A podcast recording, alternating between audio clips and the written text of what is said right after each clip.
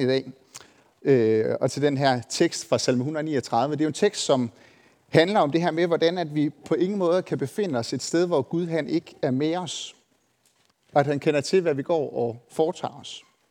Han er sådan den, den ultimative big brother, kan man sige. Og så var der den her klassiske trusselsætning, jeg ved, hvor du bor, sådan lige som kom i mine tanker. Der er folk, der får, øh, får hemmelige adresser, for at andre ikke skal vide, hvor det er, de bor henne. Og jeg tænker også, at jeg ved, hvor du bor. Det er ikke den sætning, man har lyst til at høre fra den øh, har, hvad hedder sådan noget, øh, rocker, som man lige har taget sin nøgle og i hans Harley Davidson motorcykel, øh, har lyst til at høre fra ham af. Øh, jeg ved, hvor du bor. Det er en trusselsætning, men hvad tænker du egentlig om det, når at de her ord de kommer fra den almægtige Gud? Er det så en trussel? Eller er det ligegyldigt for dig? Eller er det en tryghed for dig? Og egentlig om det er det ene eller det andet eller det tredje, så kan du hverken gøre fra eller til, fordi Gud han ved, hvor du bor. Det er en konstatering. Jeg har lyst til bare lige at bede kort her til at starte med. Gud, tak fordi, at du har lovet, at du er her lige nu med din kærlighed og med din ånd til at hjælpe os til at forstå, hvad du vil have sagt til os i dag. Vil du bruge mig som din mikrofon til at tale dit ord ind i vores hjerter? Gud, vil du komme og stille dig foran os, så vi ikke kan komme uden dig lige nu og lige her. Amen. Jeg kan lige så godt sige det med samme. Jeg synes, det er en helt fantastisk øh, salme, den her salme 139. Øh, jeg har sådan en tendens til her i min bibel at strege, øh, strege gode vers under, så øh, streger jeg lige et eller to vers under, når jeg synes, der er nogle vers, der, øh, der har værdi for mig. I det her tilfælde der er jeg simpelthen streget samtlige vers under i, i salme 139, fordi jeg synes simpelthen, at øh, de her vers, de gør mig øh, trygge. De gør mig helt vildt trygge, fordi det er vers, som fortæller mig noget om min Gud. Eller nu ser min Gud, det, det lyder måske så egoistisk, fordi han er så vidt, for så vidt egentlig også din Gud og vores allesammens Gud. Men jeg siger alligevel min Gud, fordi jeg synes, de her vers i salme 139, det er med til at fortælle mig, at Gud og mig, vi er dus. Mig og Gud. For nogle år siden, der, der havde jeg sådan en hobby, der, der var at få taget billeder sammen med kendte mennesker. Jeg fik faktisk oprettet den hjemmeside, der hedder mejdekendte.dk. Øhm, så fik jeg taget et billede med Jan Gindberg, eller med Mikkel Hansen, eller med Søren Ryge, eller med Anders Breinholt, osv. osv. Simpelthen for at prale de her billeder. Jeg har fået taget billeder sammen med nogle kendte mennesker. Og, og, og altså, jeg, jeg er jo lidt stolt af de her billeder, og samtidig så tror jeg, at, at nærmest alle de her kendte mennesker, jeg har fået taget billeder sammen med, de har for længst glemt mig, fordi for dem der er det jo hverdagskost at få taget billede sammen med en eller anden, der kommer over, sådan irriterende en som mig. Så hvor meget jeg egentlig godt kunne tænke mig ellers at sige, at mig og Jan Gindberg, vi er, vi er homies, vi er team, så, så må jeg nok indrømme, at, at jeg tror ikke, jeg kan tillade mig at kalde mig og Jan for et team. Mig og Gud tværtimod. Vi er faktisk et team. Vi føles nemlig ad. Vi, vi er sammen. Og det er det, den her salme, den fortæller mig også. At Gud, han kender mig. Gud, han ved, hvad jeg laver. Han ved, hvad jeg tænker. Han ved, hvad jeg siger. Han indeslutter mig, og han omslutter mig. Som vi lige sang her før os. Han leder mig, han holder mig fast til sig. Det tænker jeg, det, det er faktisk en teamkammerat. Det er en, der kender mig, mig og Gud. Den er salme, salme 139, det er øh, David, der har skrevet den. og navnet David, det betyder kongelig. Det ved jeg blandt andet, fordi min storebror, han hedder David. Familiens første fødte. Og øh, jeg tænker, at øh, øh, han fik et navn åbenbart, som betyder kongelig. Jeg fik så navnet Peter, det betyder klippe. Og jeg, jeg har sådan spurgt min mor lidt til, om det ikke så var, fordi at jeg var så stærk. Hvor jeg så siden fortalte mig, at det var, fordi jeg var så hård for ud, at jeg blev kaldt for klippe. Øh, Nå, nok om det. Det er David, vi har med at gøre. Det betyder kongelig. Og, øh, og det er ikke tilfældigt, at navnet betyder det, fordi David han var jo netop konge af Israel på den her tid i Gamle Testament. Og han var ikke bare en eller anden tilfældig konge. Han blev faktisk anset for at være den allermest mægtige konge i Israel. Og det er jo et eller andet sted meget interessant så i det lys at se på den her salme. At den her mægtige konge, der skriver en salme og snakker om sin status i forhold til Gud mig og Gud. Et eller andet sted, så kan jeg jo godt forstå, at den her kongelige David, han var dus med Gud. David, han blev sikkert også tiltalt øh, med deres kongelige højhed. De og deres. Det tror jeg, han var vant til. Og, og, og på den måde synes jeg, det lyder fair nok, at han er dus med Gud. Men salmen i dag om Team David og Gud, den handler ikke bare om, om deres forhold. Det er en salme, som jeg faktisk også tror, at vi må lægge os ind under at vi netop må være dus med Gud. Fordi det, den her salme, den fortæller noget om, det er det her forhold, der er mellem mennesker og Gud, hvad enten man så er kongelig eller ej, at vi mennesker, vi kan få lov til at stå i nær, øh, nært forhold til Gud i total tillid. Gud han var nær ved kong David. Ja, han var kongelig, men han er altså også nær ved dig og mig. Når jeg så prøver at, at, at sætte mig ind i, øh, i Davids toneleje, mens han sådan måske læser den her færdige salme op for første gang i sin endelige form, så ser jeg sådan en, en David for mig, som er tryg. En David, der sådan med ro i sin stemme og med ro i hjertet og et ydmygt toneleje, former hver eneste ord i den her salme. Og jeg tror ikke, han kan undgå sådan lige at smile en lille smule, da han læser den her salme op, fordi den her salme har David skrevet til sin Gud, som han har erfaret er så langt større end kongen, end han selv er. Som har så langt større magt, og har så langt større indsigt, og har så langt mere styr på tingene, end han selv har. Og derfor så giver det ham bare følelsen af tryghed at vide, at ham og Gud de er et team. Men hvad er det så egentlig, at salmen her giver dig og mig af tryghed? Jo, hvad var det, der stod i salmen? Den starter med at sige, Herre, du renser mig og kender mig. Jeg ved ikke, om I, hvordan jeres forhold er til det her ord rensage. Sådan, den måde, man umiddelbart kender det her ord rensage, det kender man sådan fra en rensagning, som politiet kan lave, når de skal ud og lave en husundersøgelse, fordi at de har mistanke til en eller anden person. Og så tager de ud i det her hus, og så endevender de alting for at se, om de kan finde spor og beviser mod den her skyldige person. Og her siger David så, Herre, du renser mig og kender mig. Og jeg lige stod og sagt, at jeg forestiller mig, at David han er stille og rolig og øh, tryg og glad, når han læser den her salme. Hvordan kan det være, at han kan være det, når Gud lige har foretaget en rensning af hans hjerte? For jeg skal lige sige omkring David, at det kan godt være, at han lavede mange gode og fromme ting, men han havde altså også nogle rimelige kras ting på sit CV. Han kunne skrive utroskab og mor på sit CV. Så det, så det er ikke så lidt at kunne være tryg i alligevel, at Gud han laver en rensning.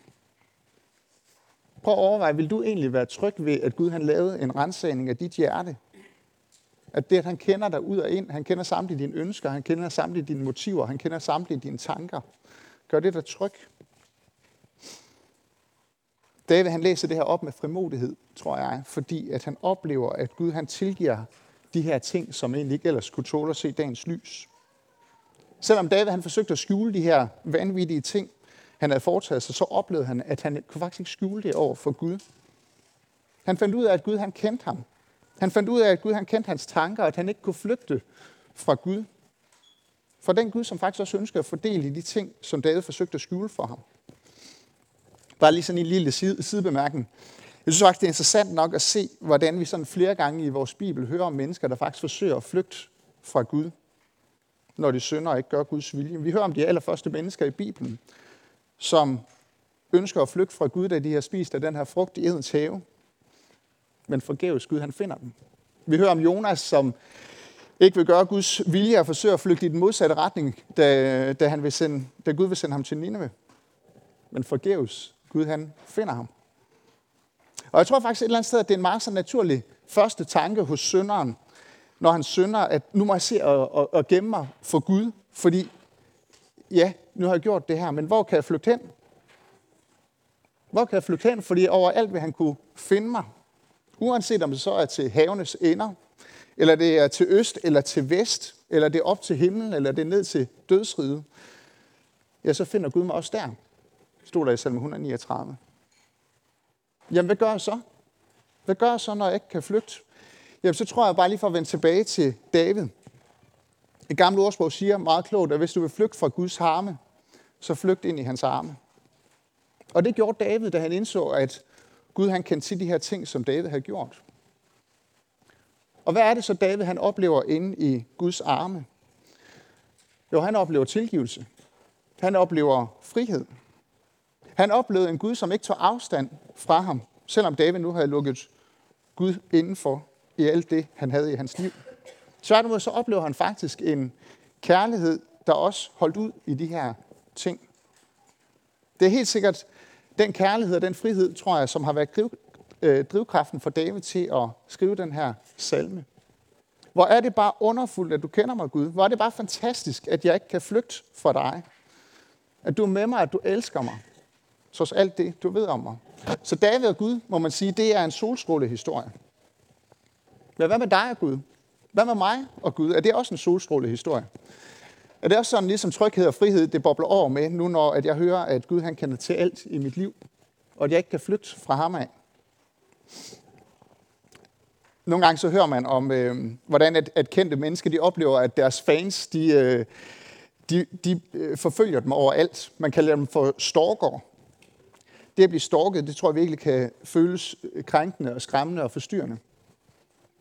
Og så tror jeg faktisk, der er nogen, der hører det, når at jeg i dag siger, at Gud han kender til alt, hvad vi gør og siger og tænker. Måske så tænker du, at Gud han behøves faktisk ikke at vide alt.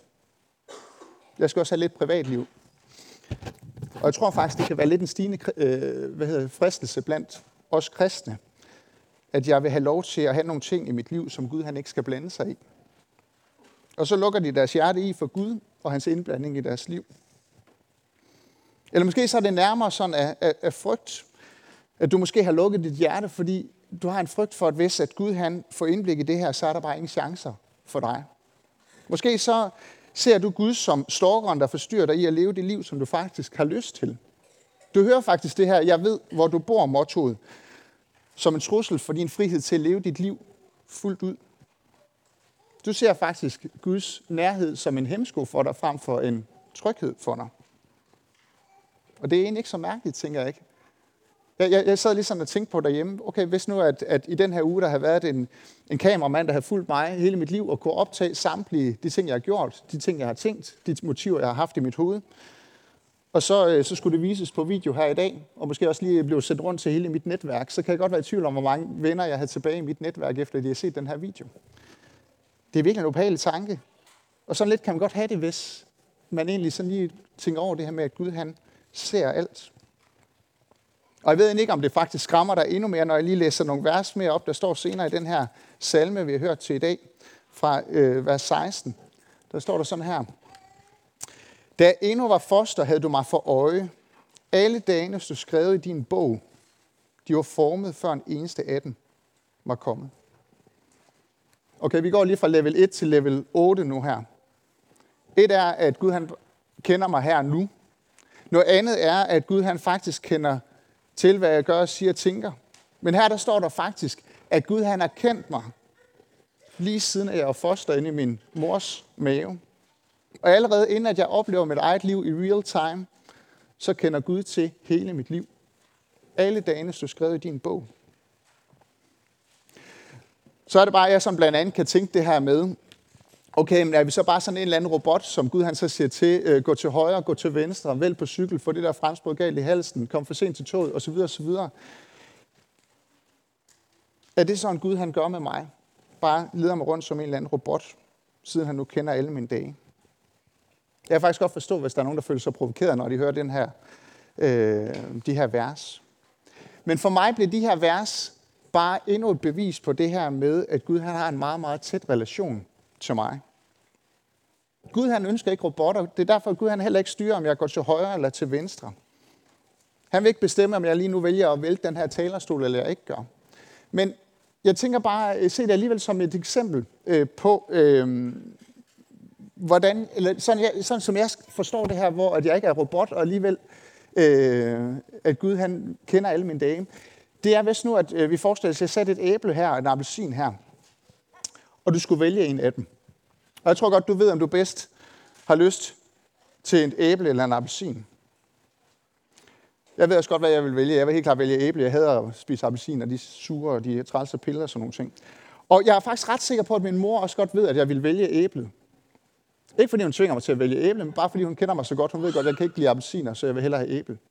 Så det er ikke et valg, hun tager for mig. Hun kender mig bare godt nok til at vide, hvad for et valg jeg tager.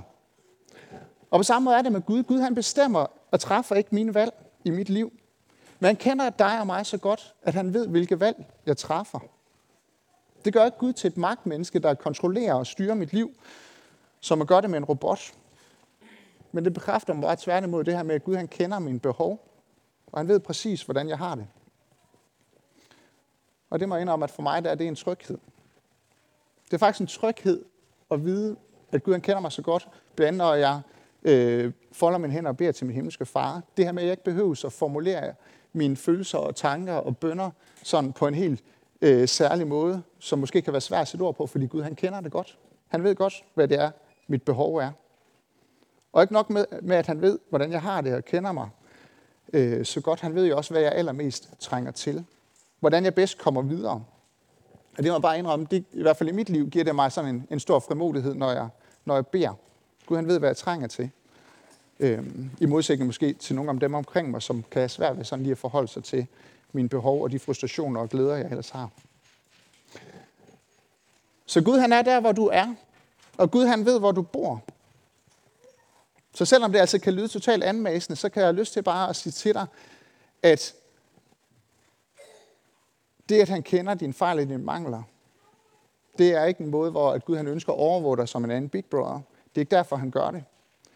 Han gør det for at finde ud af faktisk, hvor stor en pris han skal betale for at købe dig fri fra synden, og døden og mørket. Gud han afdækker faktisk kun synden i vores liv i håb om at kunne dække den til igen med syndernes forladelse, hvis jeg giver ham lov. Guds reaktion på synden i vores liv, det er jo, at det går ondt i hans hjerte. Men han ser på mig med en kærlighed og med en omsorg og med en hjertevarme, når det sker. Og der er ikke noget, han hellere vil, end at gribe ind og rette op på det ødelagte, når at jeg falder i mit liv. Jeg har lyst til lige inden jeg går videre at vise jer en lille video, som jeg synes på en meget god måde viser det her med, at Gud han er med mig overalt. Og der er helt sikkert nogen af jer, der har set den før. Jeg synes bare altid, den gør indtryk på mig, når jeg ser den. Den kommer her. Heaven Father, your precious name. It stands to reason that a name is just a word. It can be easily forgotten as soon as it is heard. But one name was spoken before the world's first day, and it will be here when everything that is has passed away. Delivered from the lips of God to Mary's ears on angels' wings,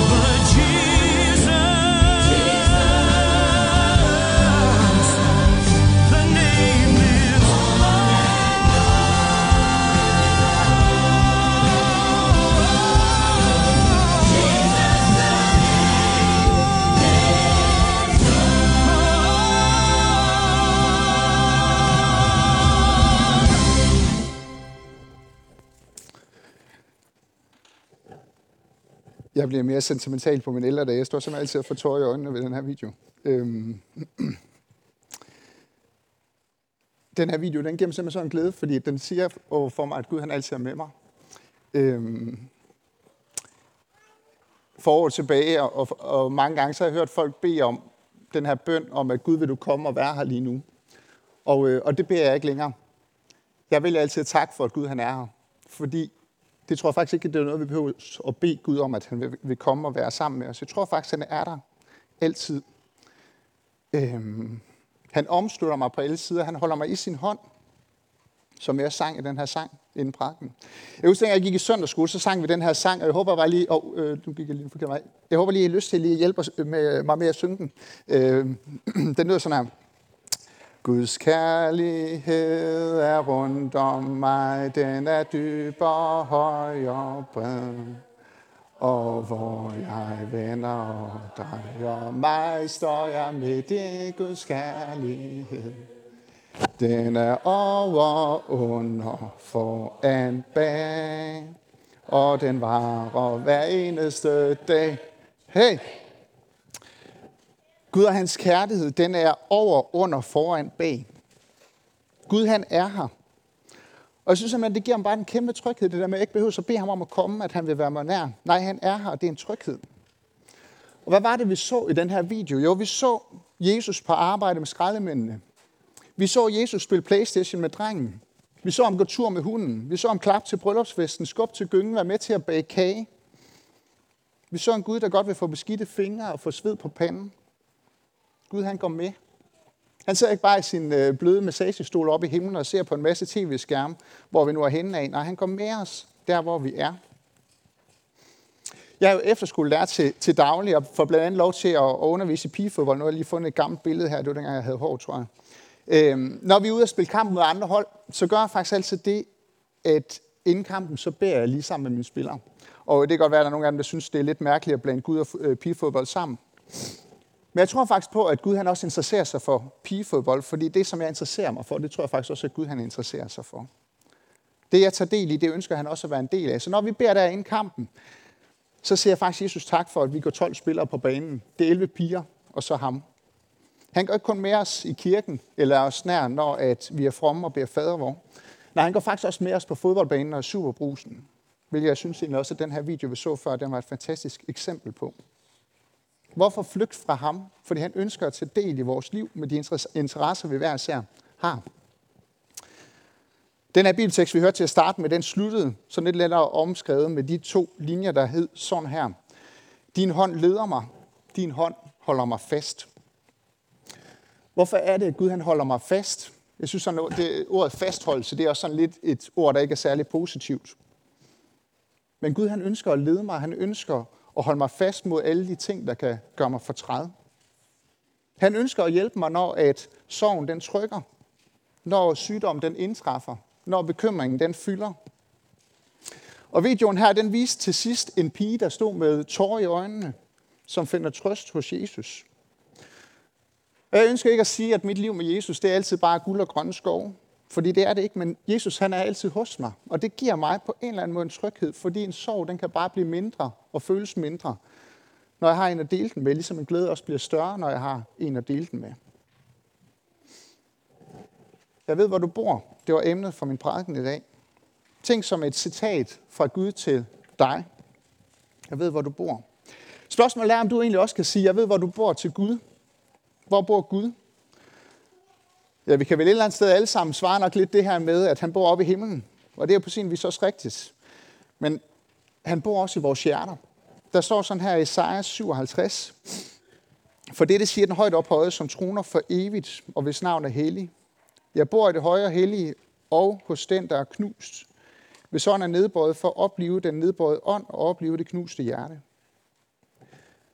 Det er der, Gud han ønsker at flytte hen ind i hjertet, og det håber egentlig også, at det er et af de formål, jeg har her i kirken ved Søerne.